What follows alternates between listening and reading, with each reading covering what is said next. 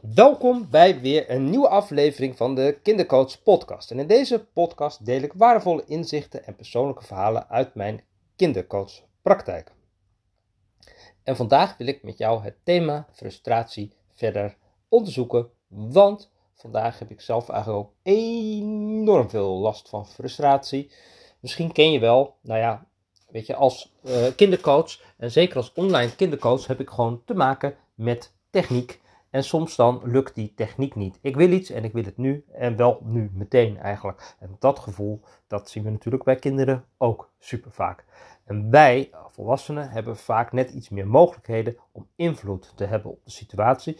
En voor kinderen is dat gewoon anders, want wij, volwassenen, uh, gaan zitten bedenken als jouw kind bijvoorbeeld heerlijk aan het spelen is, dat we in één keer naar oma gaan of dat we gaan wandelen en dat ze daar dus geen trek in hebben. Het gaat even anders dan dat je zou willen. Of soms, ja, uh, weet je, lukt het even niet. Je wilt net op de iPad gaan en de iPad is bijvoorbeeld niet opgeladen en is leeg. Nou, of je bent iets moeilijks aan het maken en dat lukt ook niet. Nou ja, dat zijn allemaal momenten waarin je frustratie uh, te verdragen hebt. En ja, um, een frustratiegevoel is vaak ook heel kort en een vrij heftige emotie. En ik moet ook wel zeggen, zo'n frustratiemoment ontstaat ook wel op een moment dat je onder druk komt te staan. Nou, dat geldt voor mij ook, want ik ben uh, iets aan het lanceren en dan uh, lukt het met de techniek eventjes niet goed. En het, wil, het moet er eigenlijk nu uit. En ik krijg ook nog mailtjes van andere mensen ook, die van, waarom lukt het niet? En daar, daar, daar. Nou, je kent het wel, zo, die. En uh, het lastige is dat ik zelf ook even niet in staat ben om het probleem op te lossen. Omdat met de techniek, ja, sommige dingen zijn gewoon super ingewikkeld. En dat weet ik niet. Ik ben afhankelijk van anderen. En die anderen willen natuurlijk ook best graag helpen. Maar ja, dat kost tijd. Dus je weet, het komt wel goed. Alleen niet nu op dit moment. Op een ander moment. Dan, uh, ja, dan komt dat allemaal weer prima in orde. Nou ja. En dat vraagt dus een enorme veerkracht om voor mezelf, om mezelf weer eventjes rustig en tot bedaren te krijgen. En wat ook wel weer dan gebeurd is, hè, als er dan weer een nieuw mailtje komt, dan schiet je weer terug in, eh, in die frustratie. Dus, uh, nou ja, zo werkt het bij mij een beetje. Dus dat is eigenlijk ook niet handig. En dan merk ik bijvoorbeeld, dan wil ik lekker tafeltennissen om lekker ontspannen. Maar ja, dat is dan lastig. Dan zit het op die telefoon, komen er toch nog dingen binnen. En dan, dan is het eigenlijk beter om die ook even weg te leggen. Maar dat lukt dan ook even op dat moment niet. En zo komt het toch binnen en dan krijg je ook weer dat frustratiegevoel terug. Nou, super lastig. En dat is natuurlijk met kinderen ook zo. En um, ja, die frustratie, hoe help je kinderen om die frustratie te reguleren? Dat is natuurlijk een hele, een hele uh, belangrijke. En um, uh, het helpt dan als kinderen worden zoals jammer of echt even balen. En dat je echt even in dat baal- en jammergevoel gaat. Ja, dat helpt dan. En je dan ook uitspreken van, oh, ik had me er zo op verheugd. Of, oh, weet je wel zo. En dat, dat, dan, dat dan ook um, uh, je kind ook het gevoel heeft van, oh, de ander snapt me.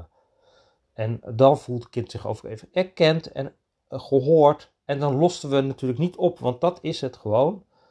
Uh, het is gewoon even helemaal vervelend. En dan kan je ook zeggen van nou ik snap het ook helemaal, maar het kan nu niet. Ik snap ook helemaal dat het vervelend is, maar nu is het even niet op te lossen. En ja, ik heb dan zo'n innerlijke stem waarmee ik mezelf weer rustig kan krijgen. En kinderen hebben die stem nog niet. En ja, het is natuurlijk de kunst dat wij kinderen helpen om die uh, stem te ontwikkelen. En naarmate ze ouder worden, dan gaat dat ook steeds beter. En dan gaan ze die ook ontwikkelen. Maar goed, nou gisteren was natuurlijk uh, niet alleen dit was er ook nog. Wat er ook nog was, is dat nou ja, de corona-aantallen die nemen natuurlijk ook enorm af. En ik kan me ook voorstellen dat je daar zelf ook frustratiegevoelens van hebt. Dat je denkt van shit, ik ben bijvoorbeeld ingeënt of niet. Of ik word beperkt in mijn vrijheid. Of uh, nou ja, hè, ook hier, je hebt er geen grip op. En het is gewoon heel erg balen dat er gewoon allerlei dingen die je misschien heel graag wil doen, gewoon nu niet kunnen. En we weten ook niet goed wanneer het weer beter is. Dus dat is super onzeker. En uh, nou ja, je kan zeggen jammer balen. Hè? Uh, maar het is misschien nog wel meer dan jammer en meer dan balen. En het vergt ook enorme veerkracht om daarin relaxed en neutraal te blijven. En positief en te denken van nou, het komt ook allemaal goed. Het heeft gewoon een beetje tijd nodig. En dat is natuurlijk uh, de oplossing voor heel veel dingen.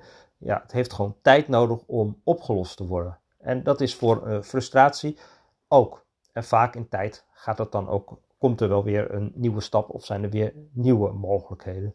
Maar nou ja, los van dat we um, weer met maatregelen zitten, is er ook nog een keer dat wij van het weekend helemaal lekker relaxed een uh, weekendje hadden geboekt of geboekt. We zouden samen eventjes bijkomen. En ja, opa en oma durven het nu niet aan, wat wij natuurlijk super snappen, want uh, ja, weet je, onze opa's en oma's zijn risicogroep.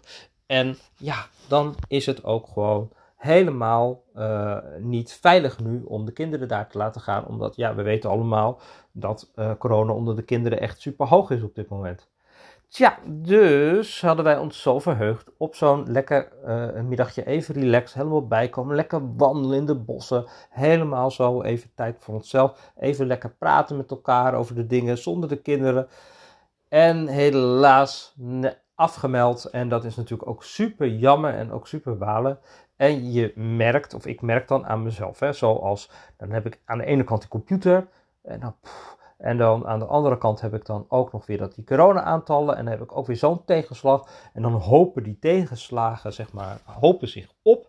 En dat maakt het dus ook super moeilijker om uh, te reguleren. En je merkt dat dan ja, de onrust van het ene nog niet helemaal uit mijn systeem is en dan komt de volgende er alweer bij. Ja, en dat zie je bij kinderen ook vaak dat je ziet van er gebeurt iets en er gebeurt nog iets en er gebeurt nog iets. En dan in één keer, dan exploderen ze en dan is het in één keer super groot. En uh, ja, de kunst is om dat heel goed te zien bij je kind. En uh, kinderen hebben dan echt de hulp nodig hè, van ons om zich weer uh, om, om, om, om, om zich terug te reguleren. Dat ze weer helemaal relaxed en ontspannen worden. En ja, daar kunnen wij natuurlijk onze kinderen super goed bij helpen. En ook het beste is ook gewoon om echt aan te sluiten elke keer weer bij dat gevoel van kinderen. Zodat ze zich in ieder geval gehoord en begrepen voelen. En dan kunnen we het niet oplossen en dan blijft het balen. En dan komt hij ook soms elke keer weer terug. En dan is het weer opnieuw balen. En maar zo ga je er wel doorheen. En op een gegeven moment, ja, dan zakt de boosheid. En uh, uh, ja, zo help je kinderen met frustratiegevoel. En eigenlijk ook jezelf met een frustratiegevoel. Want ja, we hebben allemaal last van frustratie of ook wel teleurstellingen. Nou, dankjewel voor het luisteren naar deze podcast. En uh, ik zou zeggen, richt je vandaag vooral lekker op het positieve. En uh, ja, soms hebben we gewoon te maken met teleurstellingen. En dan is het even niet anders. En dat is gewoon ook bepalen. En dan is het ook de bedoeling om weer veerkrachtig op te staan. Ik wens je heel veel succes deze dag, een fijne dag en dan zie ik je bij een volgende podcast.